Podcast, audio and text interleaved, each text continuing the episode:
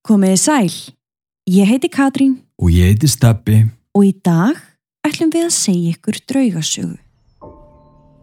Orlando árið 2010 Sofía situr á grænum bekk og horfir á Ísabellu leika sér í kastalanum. Aftur og aftur klifur hún upp viðartröppurnar og vinkar áður en hún renni sér niður gulu rennibrautina.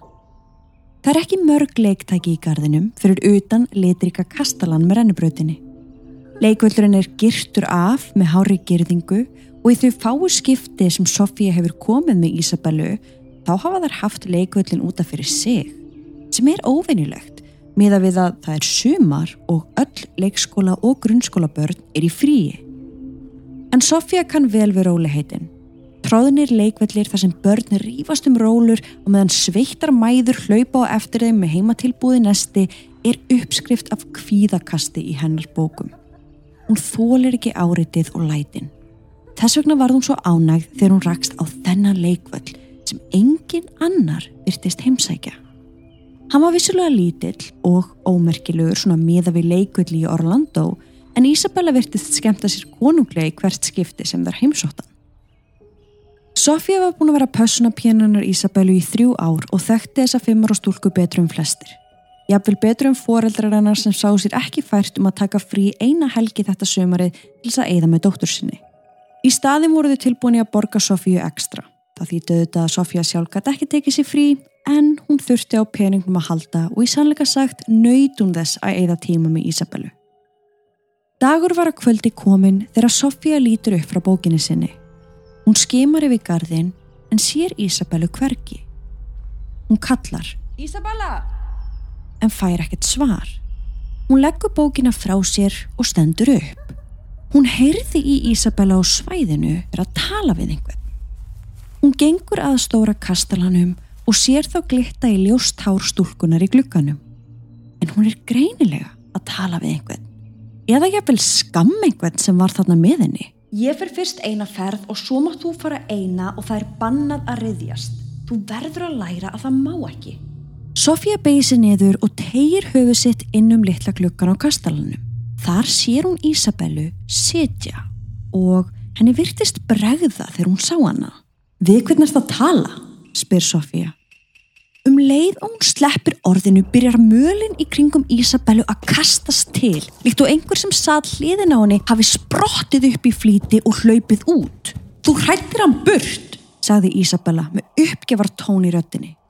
Síðan stóð hún upp sjálf og byrjaði að klifra viðarstegan. Sofía stóð stjörf í smá stund en sest hún niður á grasið skamt frá. Hún fylgist með Ísabellu renna sér niður og hún sér greinilega að litla stúlkan er í samræðum við einhvern. Hún gerir alls konar handarhefingar eins og hún sé að beði einhvern um að koma eða stoppa og síðan lítur hún til hliðar og hlær dátt. Hún var að leika sér við einhvern sem aðeins hún sá.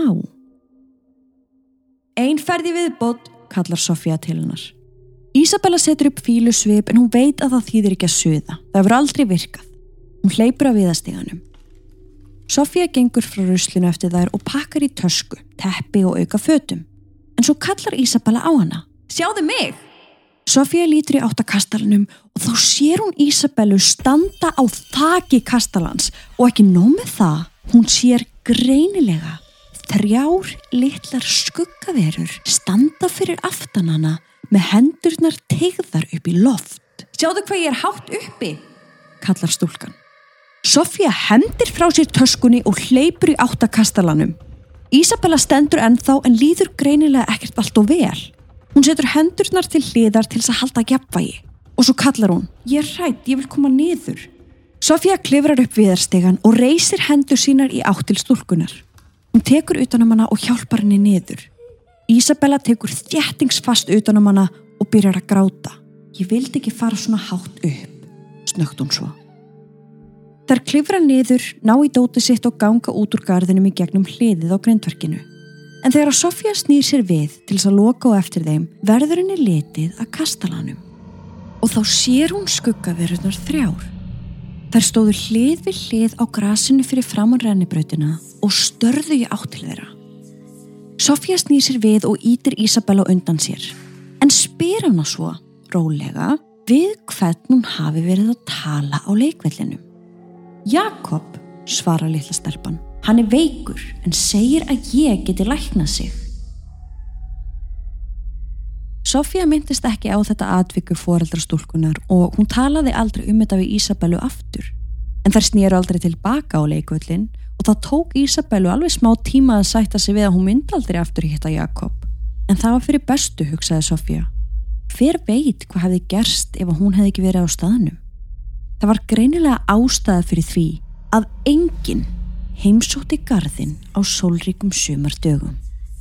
Veri velkominn á Sönland spítalan.